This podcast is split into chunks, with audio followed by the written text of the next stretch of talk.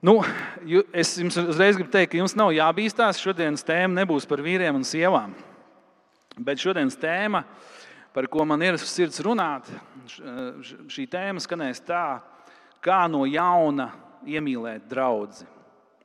Kā no jauna iemīlēt draugu.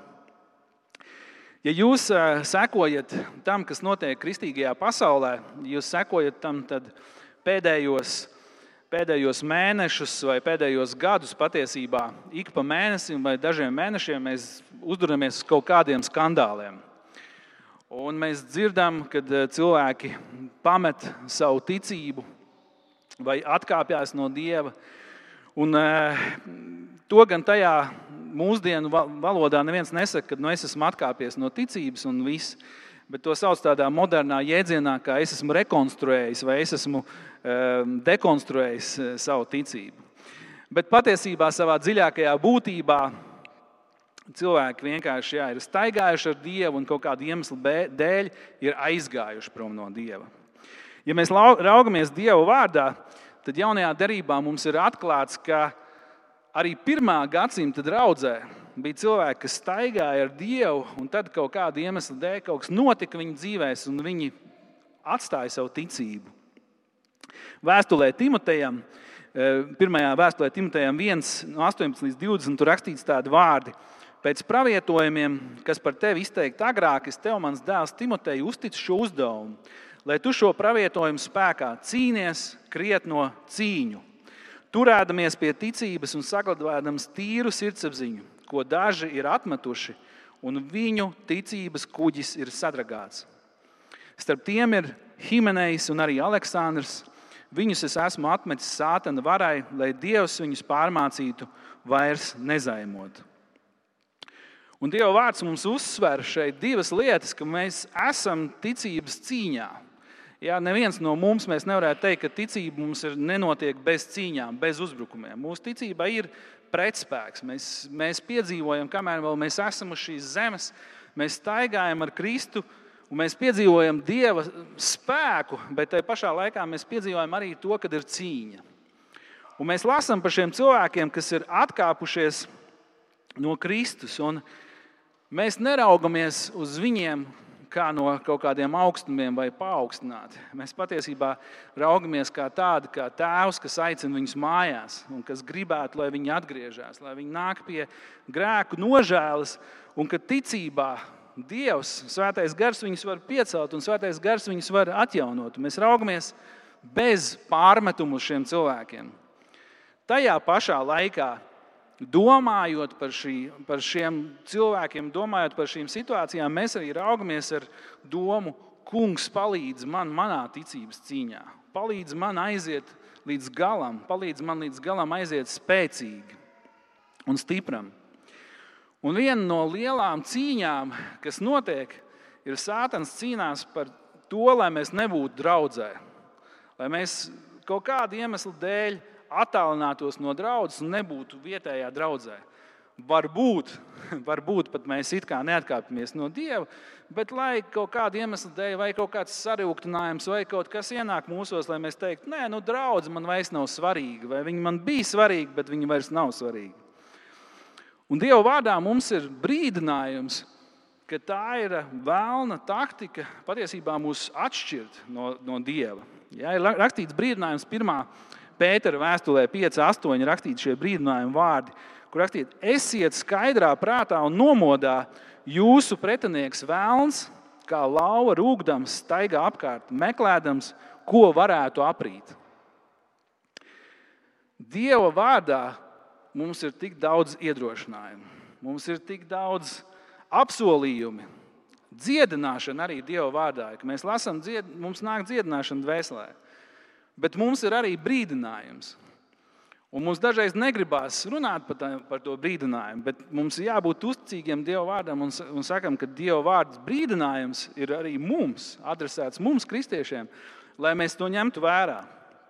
Nu, iedomājieties, ja es brauktu ar mašīnu un es tās selektīvi izvēlētos ceļa zīmes. Teiktu, šī tā man patīk, jā, šeit tagad es varu dot gāzi grīdā, varu braukt ātri un tad ir kaut kāds ierobežojums, un es saku, es šo zīmi zinu, bet es viņu neievērošu. Nu, jūs teiktu, Normāli mēs negribam pie tevis kāpt tavā mašīnā. Ja? Un līdzīgi Dieva vārdu mēs nevaram tā selektīvi skatīties, nu, šis man patīk, un to es gribu, bet rekur ir brīdinājums, un to es tā, nu, tā pavirši paskatīšos. Tā kā mums jāņem, jāņem nopietni tas. Un šajā vārdā, lasu, kur lasīts, ka vēlams kā lauva rūkdams, viņš nāk un meklē, ko, ko aprīt. Nu, jūs, jūs noteikti esat redzējuši kādu National Geographic video, kur lauvas ielēns, un tad viņi no bara vienu tā nedaudz atvilina prom, un tad viņi dabūna viņu savā ķetnās. Un neskatoties uz visiem šiem brīdinājumiem, ko droši vien jūs un arī es zinām, mēs lasām, mēs esam lasījuši Dieva vārdā, tomēr ir tik daudz kristiešu, kas ir atkāpušies no draudzes. Varbūt viņi nav pat atkāpušies no dieva, bet kaut kāda iemesla dēļ viņi ir sarūktinājušies. Un, ja mēs viņiem jautātu, nu, kāpēc tu neesi draudzē, kāpēc tu vairs neej uz draugu, kāpēc tu vairs nepiedari draudzēji? Droši vien tas, ko mēs dzirdētu, ir tas, ka cilvēki teiktu, es nevaru atrast tādu draugu, kurā ir patiesas attiecības. Vai es nevaru atrast tādu draugu, kuras teoloģiskā pārliecība pilnībā atbilstu manai pārliecībai? Vai kāds teiktu, es mēģināju būt draudzē, bet tur nevienam īsti nerūp patiesībā, kā es jūtos? Vai cits teiktu, draudzes vadītāji nav pietiekoši garīgi spēcīgi? Vai kāds cits teiktu, es esmu vīlies cilvēkos, vai draudzē kļūst mīlestības? Vai vēl kāds cits teiktu, tāds cilvēks, kas ir darītājs, viņš teiktu, man draugs vienkārši garlaiko, es labāk eju tajā laikā, daru kaut ko jēdzīgu. Un katrs kristietis, ja mēs esam godīgi, Mēs arī savā dzīvē esam saskārušies ar lietām, kad arī mums ir bijuši šie jautājumi, arī mums ir bijušas šaubas, vai mums ir bijuši jautājumi par draugu un par piederību draudzēji. Tad ko mums darīt? Vai mums vienkārši nu, samierināties, nu, kā, ja dievam vajag, nu, tad es iešu uz draugu un vienkārši nu, to pieņemšu. Vai tomēr Dievs grib, lai mūsos ir mīlestība uz draugu, un Viņš grib mums palīdzēt tajā mīlestībā staigāt? Tad šis jautājums šodien ir, kā lai atgūst to mīlestību, kā lai iemīl draugu no jauna, ja tā ir pazudusi. Ja es apjautātu kristiešus, kas ir tavs svarīgākais elements vispār ticības pieredzē vai draudzes pieredzē, kas tev ir svarīgi? Un cilvēki teiktu, nu, man svarīgi ir attiecības ar cilvēkiem, vai kāds teiktu, man ir svarīgi sludinātā vārda kvalitāte vai man ir svarīgi mūziķu dziedātā kvalitāte un dziesmu izvēle. Un mēs esam Miķeli ļoti svētīti ar jums šajā rītā. Kā, un citiem atkal būtu svarīgi praktiski viņi teiktu, vai es esmu noderīgs draudzē, vai es varu lietot savus svētā gara dāvanas. Un citi teiks, man ir svarīgākais, kas man ir draudzē, lai būtu iedvesmojoši vadītāji, kas iedvesmo mani ticībā. Un ja tu esi kristietis pietiekoši ilgu laiku, es esmu pārliecināts, ka tu esi piedzīvojis savā dzīvē šo svētību, ko dod draudzene. Tu esi piedzīvojis šos mirkļus, kad tu saki, o, oh, es vispār jūtos ļoti mīlēts šajā brīdī. Kad brāļi un māsas kaut kādā veidā izrādījuši man mīlestību, es, es jūtu mīlēts, es jūtos mīlēts no draudzes. Vai kāds tevi stiprinājis, vai kāds tevi iedrošinājis, īstajā laikā lūdzis par tevi, vai aizsūtījis kādu iedrošinošu dievu vārdu īstajā laikā. Varbūt svētruna, ko tu esi dzirdējis, dažreiz tev lika, lika justies, ka liekas, jā, Dievs mācītājiem lika šo svētrunu gatavot tieši man. Man tieši tas bija jādzird. Kā arī noteikti es piedzīvoju Dieva tuvumu tik dažādos veidos. Un cik brīnišķīgi mēs dziedājam šo dziesmu, kas ir balstīta uz Dieva vārdu, tikko, kur rakstīts, ka katrs labs devums un katra pilnīga dāvana nāk no augšienes. Tā no, nāk no gaismas tēva, kurā nav pārmaiņas, ne pārgro, pārgrozības ēnas. Un mēs zinām, ka šīs visas lietas, ko es minēju, tā ir svētība no Dieva. Mūsu attiecības ir svētība no Dieva, svētrunas, dziesmas, Dieva klātbūtne. Nu, viss, ko tu vari piedzīvot, nu, tā ir svētība no Dieva. Bet tad man ir šis provokatoriskais jautājums. Bet kas notiek? ja kaut kas no tā tiek paņemts prom? Kas notiek? Nu, kā tikko mēs piedzīvojam, ja visa pasaule ir Covid laiks, Un mēs vairs nevaram satikties. Un mūsu draudzes pieredze, tas, ko mēs piedzīvojam, mūsu emocionālais piepildījums, ko mēs piedzīvojam draudzē, ko mēs piedzīvojam nākot kopā, tas tiek paņemts nost. Un tu esi mājās un viens pats, un tu saproti, nu, vairs nav tas.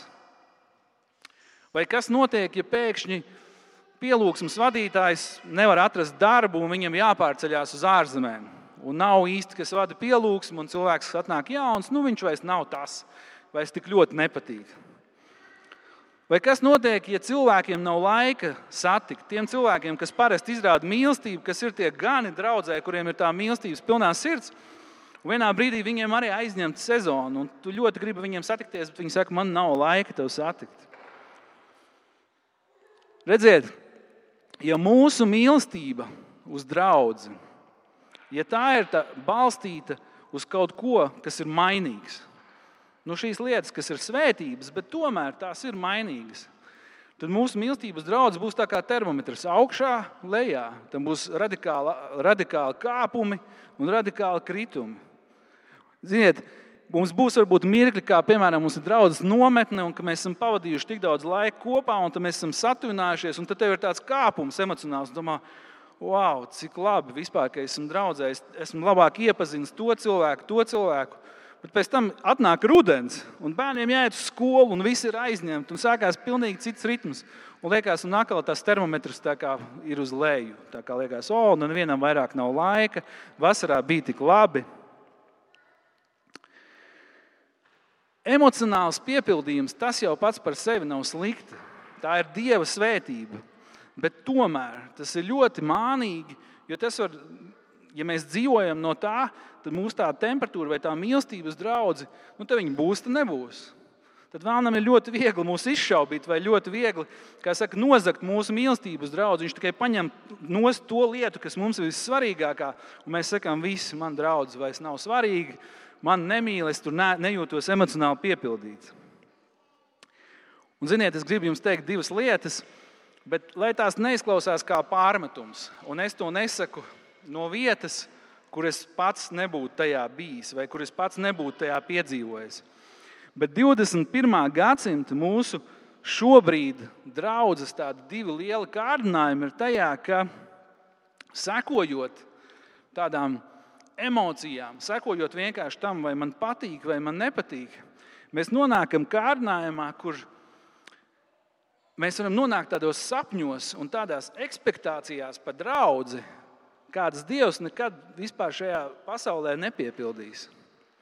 Un it īpaši, ja cilvēks dzīvo un ekipē sevi tikai no tādas digitālas ticības, viņš klausās to mācītāju, to mācītāju, to draugu, to draugu. Un vienā brīdī liekas, tur, tur ir tā perfektā draudzene, tur ir tas sapnis mans. Un es paskatos uz savu draugu, man liekas, nu, oi, nu šeit es īsti nesaņemu to emocionālo piepildījumu. Un tā digitālā ticība var barot cilvēkā tādu ilūziju, ka, redzi, es jau no dieva projām neju, es jau kaut kā pie dieva turos, bet lokālā draudzē es vairāk neesmu. Un nav šie cilvēki, kas varbūt izaicina mani kaut kādā ziņā, vai ar kuriem man ir grūti. Un man liekas, es esmu perfekts, mans raksturs ir perfekts, mana ticība ir perfekta. Un mums var būt kārdinājums aiziet tur, kur nav grūtības. Nu, šī digitālā vide, es tikai no vienas draudzes otrā barojos, es it kā esmu tur. Bet nekur nav šis izaicinājums, kur ir īsti cilvēki, vai kur kā alegoriski izsakoties, ir nomestas zeķes un netīri trauki. Vai cits grāvis, vai cits kārdinājums, kur arī es to nesaku ar tādu paaugstināšanos, bet es saku, saprotot to un sakot, o, oh, es esmu tur bijis, es, es saprotu to kārdinājumu, kur, die, kur vēlams mūs kārdina ir, kad, die, kad Vēlns mums dod tādu sapni par draugu, ka mēs sākam to sapni mīlēt vairāk nekā reālus cilvēkus. Nu, tādā ziņā, ka es iedomājos, kādai draudzēji vajadzētu būt, es iedomājos, kādiem jums vajadzētu būt, kā jums vajadzētu mani mīlēt. Un tad es sāku mīlēt to sapni vairāk nekā tos reālos cilvēkus. Un varbūt tie reālie cilvēki patiesībā draudzē, viņi ir miljonus gaismas gadus no tās vietas, kur es gribētu, lai viņi ir. Un man ienāk neapmierinātība. Man liekas, nu nē, nu nē. Un iedomājieties, ja es esmu vadītājs. Un es gribu jūs vadīt, un es gribu, lai jūs augat, un es gribu, lai jūs esat tur. Bet kādā brīdī es savu sapni sāku mīlēt vairāk nekā reālos cilvēkus un teikt, oh, bet tas ir pretēji tam, ko Jēzus ir teicis. Jēzus teica, ka man jāmīl mans tuvākais, tur, kur viņš ir. Tāds, kāds viņš ir, ar tiem izaicinājumiem, kur viņš ir, ar to ticības briedumu, kur viņš ir. Un līdzīgi ir ar citiem mainīgiem aspektiem, kas mums var būt draudzes pieredzē nu, kad mēs pieķeramies kaut kam, mēs pieķeramies mācītājiem tik ļoti, un mācītājs mums patīk, viņš runā ne pa ātru, ne pa lēnu. Viņa tembrs ir perfekts, viņš ir nostādījis balsi, un mēs esam pieraduši no svētdienas svētdienas klausīties. Bet tad kaut kas notiek, Dievs sauc viņu uz citu pilsētu. Mums liekas, nu viss vairs nav tā, kā bija. Vai varbūt seniori piedzīvo to, ka mācītājs aiziet mūžībā, vai viņš aiziet pensijā. Un tad atnāk kāds jauns, kurš ir nepieredzējis, un kura balss nav tik nostādīta, un kurš nerunā tik skaidri, ar tik skaidru dik dikciju. Un atkal tas termometrs stabiņš sāk nosēsties. Un es negribu teikt, ka visas šīs lietas ir maznozīmīgas, ka tas ir nesvarīgi. Tas ir svarīgi mūsu ticības dzīvē, bet tomēr tas jautājums paliek, kā lai mīl draugu. Vai tiešām ir kaut kas, kas ir nemainīgs? Vai ir kaut kas, kas ir nesatricināms? Vai ir kaut kas, kas ir universāli pielietojams jebkurā draudzes konfesijā, jebkurā draudzē, vietējā draudzē? Jebkurā draudzē, kur var būt gan sieviešu pārsvars uz vienu pusi un vīriešu pārsvars uz otru pusi, kur var būt veci cilvēki, jauni cilvēki, vai ir kaut kas, uz kā balstīt savu mīlestību un teikt, tas nemainās? Kā lai atgūst vienkārši ticību draudzē, kā lai atgūst mīlestību uz draugu. Mēs lasījām šo raksturvietu no vēstules efeziešiem, ko parasti lasa par vīriem un sievām, par viņu attiecībām. Bet es gribu vēlreiz ar jums nolasīt šo vēstuli, šo, šo raksturvietu, un jūs varat klausīties un domāt, kas tur ir rakstīts par Kristu, kas tur ir rakstīts par Jēzu. Es nolasīšu Efeziešiem 5. nodaļa, 25 līdz 30. Tur rakstīts sekojoši: Vīri, mīliet savas sievas tāpat kā Kristus ir mīlējis savu draugu, pats nododamies viņas labā. Lai to darītu svētu, šķīstot ar mazgāšanu ūdenī caur vārdu, sev savu draugu sagatavotams cienīgu, bez traipa bez krunkas vai cita tam līdzīga trūkuma, lai tā būtu svēta un bez vainas. Tā arī vīriem pienākas savas sievas mīlēt kā savu miesu. Kas mīl savu miesu, tas mīl sevi pašu. Jo neviens nekad vēl nav ienīdis pats savu miesu, bet katrs to kopj un glabā. Tāpat kā Kristus draugs, jo mēs esam viņa miesas locekļi. Mīļie, šeit ir tas nemainīgais aspekts, šis nemainīgais pamats, šis nemainīgais, kas man patīk, ka Dieva gars viņš pirms tam jau sagatavo. Viņš liek Miķelim kaut ko sirdī dalīties, dziesmas izvēlēt. Mēs neesam saskaņojuši. Un Miķels nāk un viņš saka, atgādināsim sev, ka Dievs ir nemainīgs. Un šeit ir rakstīts par Jēzus mīlestību uz draugu, kas ir nemainīga. Un mūsu mīlestība vai mūsu mīlestība, viņa var būt draudzē, ja mūsu mīlestība balstīta ticībā tam, ka Jēzus mīl draugu, tad mūsu mīlestība uz draugu aug. Mīlestība, kas balstīta ticībā, nevis šajās mainīgajās lietās, kas var būt un kas var nebūt, bet mīlestība, kas balstīta ticībā, ka Jēzus mīl draugu. Tāpēc arī manī šī mīlestība vairojās. Tāpēc arī es mīlu draugu, jo kungs mīl.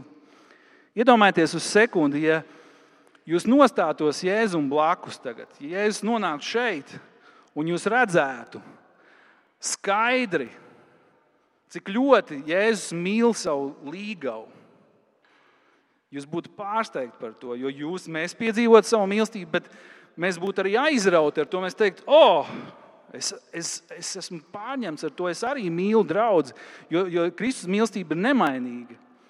Un tad ir rakstīts, vēl, ka, viņš, ka viņš lolo, ka viņš gādā, vai citiem vārdiem, dažiem citā tulkojumā ir rakstīts, baro, lolo, kopj un audzē. Tas ir tā kā sportisti kas profesionāli sportisti, viņi rūpējās par savu miesu, jo tas ir viņu darbarīgs. Viņi dod labāko, labākās minerālu vielas, vitamīnu, sēdienu. Un līdzīgi rakstīts par mums, kad mēs esam Kristus miesa un, un Dievs Jēzus dod mums labāko garīgo ēdienu, lai mēs būtu stipri, lai mēs būtu veselīgi. Dažreiz, kad mēs par to domājam, ka mēs esam Kristus miesa, mums var sākt likties, ka tas ir līdzīgi kā nu, tā jau tāda alegorija. Jūs zināt, tā kā māte Latvija un mātei Latvijai ir bērni un meitas, bet mēs saprotam, nē, māte Latvija tā nav persona. Mēs ar cieņu izsakāmies varbūt par savu valsti, bet māte Latvija mūs nemīl, bet Kristus viņš mīl, mēs esam viņa miesā. Un šajā mīlestībā mēs stiprinamies, mēs atjaunojamies. Kāds, kāds jautās, tad, bet, okay, bet kā ticība šai patiesībai, kā tas ietekmē manu mīlestību uz draugu? Labi, es ticu. Es ticu, ka Jēzus mīl, ka Viņš gādā. Es ticu, ka tas ir nemainīgi, ka mēs varam tajā stiprināties. Bet kā tas ietekmē manu mīlestību uz draugu? Jūs zināt, dzīvē ļoti līdzīgi, ja jūs pavadat laiku ar kādu cilvēku, kur jūs mīlat jūs sākat mīlēt tās lietas, kas tam cilvēkam ir svarīgas. Nu, piemēram, man, man meita nodarbojās ar jāšanas sportu. Un man galīgi, līdz, līdz viņa sāka to nodarboties, man liekas, man zirga galīgi nesaista. Man nepatīk tā smaka, kas ir stāvlī, smaržais, atvainojos. Un, eh, man liekas, es to visu nesaprotu. Bet pavadot laiku ar viņu, redzot, cik daudz prieka tas viņai rada, Es saprotu, es to sāku mīlēt, es sāku arī ar to aizrauties, teikt, o, es redzu tajā skaistumu, es redzu, tas ir lipīgi, tas ir skaisti. Es tagad sāku sekot kaut kādiem Latvijas jātniekiem, skatos, o, mums ir panākumi šajā sportā, man ir prieks. Mēs sākam mīlēt to, kad mēs pavadām laiku ar saviem mīļiem, mēs sākam mīlēt to, ko viņi mīl. Ja jūs pavadītu laiku ar leņķu ģimeni, tad jūs iemīlētu galda spēles. Jo viņi mīl galda spēles, un tas ir. Visi zina, ka viņiem tas patīk. Un tu varbūt aizēji no sākuma, tev liekas, nu, galda spēles, es nezinu, es īpaši nekad neesmu spēlējis, bet tu pavadi laiku un saki, jā, man tas sāk patikt. Un līdzīgi Kristus aicina, viņš saka, ka mana mīlestība uz draugu ir nemainīga, mana mīlestība, gādība par draugu ir nemainīga. Šeit tu vari nostāties un atjaunot savu ticību un teikt, šis nemainās. Varbūt kaut kas mainās cits draudzē, kaut kādas lietas mainās, kas mums ļoti svarīgas, bet mana mīlestība nemainās. Un jūs zināt, tur ir vēl kaut kas teikts tajā vietā. 26. un 27. pantā Tur ir rakstīts vēl kaut kas, es jums nolasīšu. Tur ir rakstīts kaut kas par draugu. Tur ir rakstīts, lai to darītu svētu, šķīstot ar mazgāšanu ūdenī caur vārdu, sev savu draugu sagatavotams cienīgu, bez traipa, bez krunkas vai cita tam līdzīga trūkuma, lai tā būtu svēta un bez vainas. Daudz teiks, nu, tas, kad Jēzus mīl draugu, To man ir viegli pieņemt. Bet tas, ka Jēzus saka par draugu, ka tā ir godības pilna, bez traipiem, negludumiem un kā tam līdzīga, svēta un nevainojama. Nu, droši vien, kad Jēzus nav sen viesojies mājvietas draudzē, tad viņš tā neteiktu. Bet tomēr mēs lasām, ka Jēzus saka šos vārdus. Un, un var mums var likties, nu, varbūt viņš to teica Efeziešu draugai. Nu, Efeziešu drauga nu, viņa bija perfekta. Droši vien viņa bija svēta, bez vainas, bez krūkas. Bet jūs zināt, Efeziešu draugs tāda nebija. Tie, kas jūs atceraties atklāsmes grāmatā, Efeziešu draugai, Jēzus teica, tu esi atstājis pirmo mīlestību. Viņš, viņam bija ko norādīt uz viņu. Tad kāds teiks, nu varbūt starp to laiku, kad Pāvils rakstīja šo vēstuli, un starp atklāsmes grāmatu viņi sabojājās. Viņi bija svēti, viņi bija perfekti, bet tad viņi kļuva nesvēti un, un krunkaini. Bet Efeziešu vēstulē, 4. nodaļā, ir rakstīts norādes par grēkiem Efeziešu draudzē. Tur daudz kas ir rakstīts tāds, kas. Um, Tur rakstīts par melošanu, dusmām, zakšanu, lamāšanos, aprunāšanu, sirds rūkumu un jebkādu ļaunprātību. Tad šai draudzēji bija šie melnumi, šīs nepilnības, bet tik un tā Dievs viņus saka, ka viņi ir svēta, bez vainas, bez krunkas. Mīļie, Jēzum ir tikai viena līgava. Un mēs, šī mūsu draudzene, tieši tāpatās, mēs esam daļa no tā. Un Jēzus līdzīgi kā mums, kad mēs paši, kā, kā Kristus mācekļi, kā Dieva bērni, kad mēs nākam pie Dieva, Dievs redz mūs tā attaisnots Jēzus dēļ, Viņš redz mūs svētus. Un neskatoties uz to, ka mēs pieaugam un ka mums vēl ir grēki, mums, mēs vēl šķīstamies, mēs turpinām iet svētāpšanas ceļu, Dievs raugās uz mums kā uz svētiem. Un līdzīgi ir arī ar draugu ka viņš saka, ka šī draudzene, viņa līga, viņa ir svēta, viņa ir bez krunkas, nestoties uz visām nepilnībām, nestoties uz visu, kur viņai jāaug. Dievs redz viņu kā svētu. Un, ja mēs ar ticību tajā ejam un, un, un ticību to pieņemam, mūsu mīlestību uz draugu, viņa aug. Viņa saka, ah, es gribu skatīties uz savu draugu, es gribu skatīties uz mājvietas draugu, nevis ar visiem tiem trūkumiem, ar visiem uh, to cilvēcīgiem barometriem, kā es viņu izvērtēju, bet es gribu raudzīties un teikt, kā Dievs viņu redz. Jā, mums ir vēl jāpieaug, jā, mums ir vēl lietas, kur mēs gribam mainīties, kur mēs gribam augt ticībā, bet kā Kristus redz, viņš redz kā svētu, kā perfektu, bez krunkas. Un tajā vietā mana mīlestība uz draugu, viņa aug, viņa atjaunojās. Jūs zināt, mūsu svētāpšanā arī ir mirkļi, kad mēs ejam un ka mēs esam no, nomaldījušies no skata uz Jēzus un ka mēs sākam redzēt savus grēkus tikai. Un ka mēs redzam, ka mums nepatīk mūsu grēks, mums ir iebjās mūsu grēks, un ka mums līdzīgi tā kā Pāvilam ir jāsaka, ak, es nožēlojamais cilvēks, ja? kas, kas izraus mani no šīs miesas.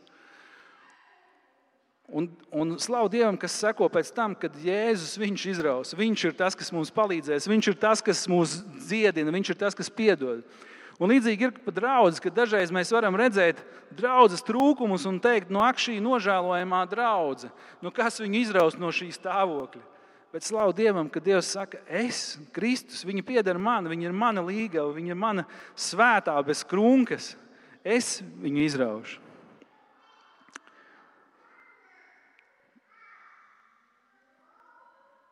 Patiesa mīlestība mūsos, patiesa mīlestība uz draugu.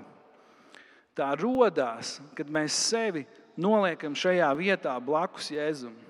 Kad mēs sakām, ka es, Dievs palīdzi man mīlēt draugu ar to mīlestību, kas ir tev, kas ir nemainīga. Palīdz man redzēt manu draugu, palīdz man mīlēt viņu kā svētu, bez krunkas, zinot, ka jā, viņai jāpieaug, jā, daudz kas nav tā, bet teikt, kungs, radi manī mīlestību tāda, kāda ir tev.